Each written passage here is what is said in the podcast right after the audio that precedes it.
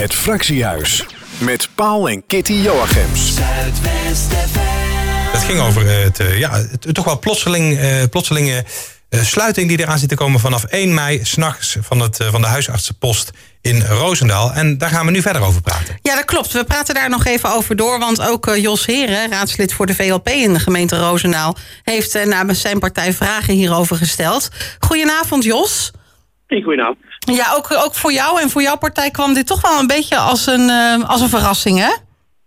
Eh, ja, ik had eh, vooraf wel eens geruchten gehoord dat het eraan zat te komen. Maar het moment waarop en dergelijke was echt een, een verrassing inderdaad, ja. Ja, nou dus zag ik dat jij schreef in jouw, ehm, eh, in jouw vragen aan het college... dat geconstateerd is dat het aantal bellers naar de huisartsenpost afneemt... als de afstand groter wordt. Wat, wat, wat zegt dat? Nou, dat stond zo in de, in de krant. Dus ik, ik moest afgaan op de informatie die in het Brabants Nieuwsblad eh, stond. En daar stond deze opmerking eh, bij de mensen die in Etteleur eh, wonen. Die, waar een jaar of zeven geleden de hap weggegaan is. En dat ze daar geconstateerd hadden dat doordat er grotere afstand is, het aantal bellers afnam. En dat verbaasde, ja, van de ene kant verbaast mij dat, want je wordt volgens mij niet ziek eh, of je krijgt geen ongeluk omdat de hap dichtbij is of ver weg is. Dus ja, dat riep bij mij wel vraagtekens op, ja. Ja, dat kan ik me voorstellen, ja. Ehm, eh, jij zegt ook in jouw vragen, eh, ga je ook in op de cijfers? Nou, die hebben we net al even heel kort met Shahira doorgenomen. Ehm, eh, maar hoe zat het ook alweer? Zeven verwijzingen vanuit Roosendaal. Ehm, maar hoeveel zijn dat, dat, dat dan vanuit Bergen op Zoom? Weet jij dat? Dat was een van mijn vragen. Dat stond niet in het, eh, in het artikel. En nogmaals, ik, ja, de enige informatie die wij kregen was uit de krant. En eh, het feit dat er in Roosendaal zeven verwijzingen per nacht zijn... dat is een, eh, ja, een, een bepaald cijfer. Maar of dat dan het cijfer is waarom het naar Bergen op Zoom zou moeten gaan... dat roept bij mij wel vraagtekens op. Want in Bergen op Zoom eh, in theorie, bij wijze van spreken, 50 eh, aanvragen per nacht is... dan vind ik het terecht dat naar Bergen op Zoom gaat. Maar voor hetzelfde geld in Bergen op Zoom maar twee. En dan heb ik zoiets, dan moet je nog eens goed nadenken of het wel de juiste keuze is. Ja.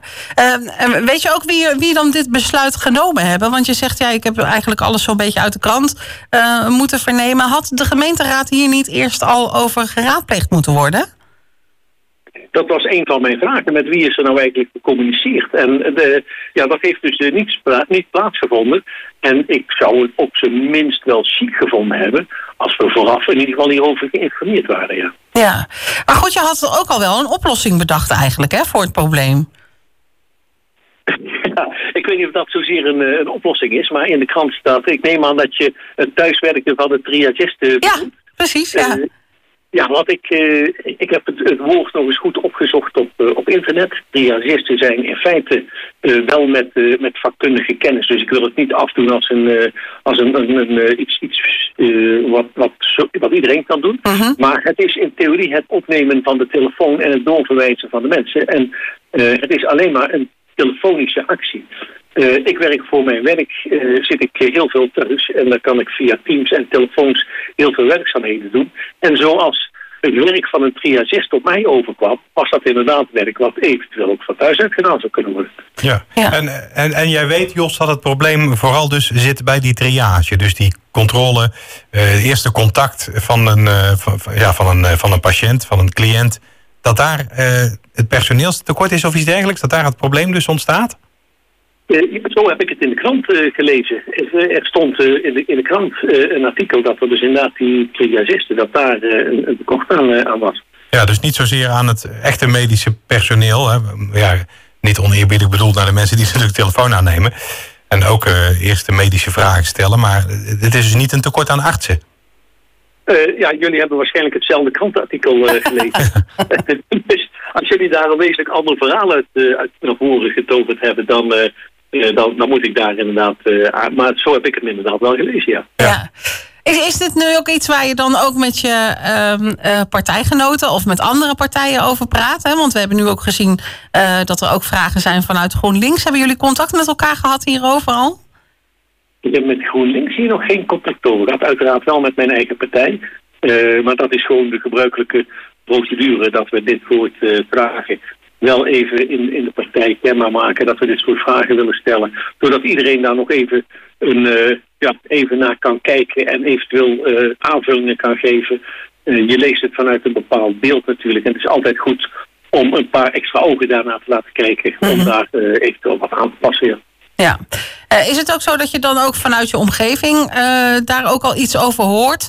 Uh, dat mensen zich zorgen maken vanuit de achterband van de VLP of mensen die bij jou in de buurt wonen bijvoorbeeld. Hoor je ze daar ook over? Uh, ja, ik heb inderdaad wel vanuit mijn achterban ook wel opmerkingen gekregen dat ze hier inderdaad niet, uh, niet blij mee, uh, mee waren. wat je hier waarschijnlijk gaat krijgen is dat mensen, en zo stond het dus ook in de krant, minder snel gaan, gaan bellen en, of minder snel naar die hap toe gaan. Dat kan twee dingen betekenen. Dat ze wel gaan bellen. Maar wat ik uit de krant begreep is dat ook twee voertuigen rondrijden met inderdaad artsen daar, daarin. Uh, en dat is ook een van de vragen die ik dan heb van ja, wat gaat dat dan voor die mensen betekenen? Mhm. Want op het moment dat die hap minder werk heeft, uh, zijn die artsen ook in dienst van de hap. Want dat was mij niet helemaal duidelijk. Maar ik verwacht dat die het duidelijk drukker gaan krijgen dan, doordat ze allerlei visites moeten gaan rijden, omdat mensen zelf niet naar die hap toe gaan.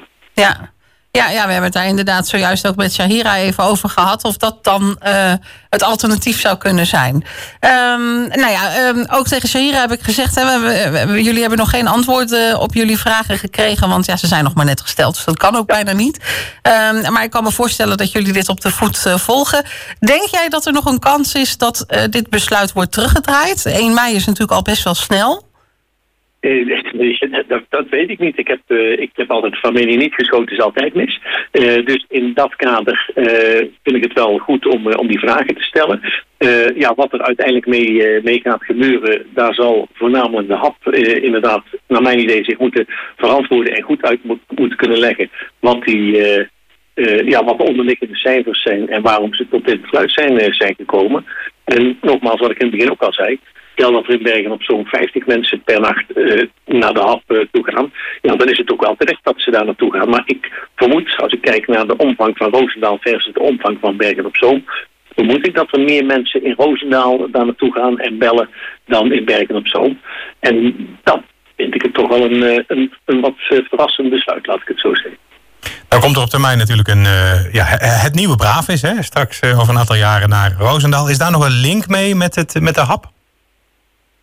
Maar die, die hap die zit natuurlijk op, uh, op de beide ziekenhuizen. Dus ja, er is een, eh, een link mee. En wat er... Uh, ja, straks is er nog één ziekenhuis. En dan rij je altijd naar het ziekenhuis toe waar het nieuwe braaf is. Ja. wat er nu gaat gebeuren, is dat mensen bijvoorbeeld uit, uit Moerdijk of, of mensen uit Etteleur... die naar de Roosendaalse hap gaan, want Etteleur is verdeeld over een gedeelte. Het oostelijk gedeelte gaat naar Breda toe, het westelijk gedeelte naar Roosendaal toe. Daar zit een grens, ja die rijden uh, in feite langs het ziekenhuis waar ze altijd naartoe konden. Uh, en moeten nu doorrijden naar, uh, naar Bergen op Zoom. Ja, dat is toch wel, toch wel een vreemde gewaarwording, denk ik. Ja, nou, we gaan afwachten wat, ehm, wat jullie vragen teweeg brengen. En wij volgen dat natuurlijk op de voet, net als jullie. dankjewel voor je toelichting, Jos. En graag tot de volgende. Uh, ja, graag gedaan. En we wachten de antwoorden vol spanning af. Heel goed, dankjewel. Dankjewel. Iedere woensdag van 7 tot 9. Het Fractiehuis.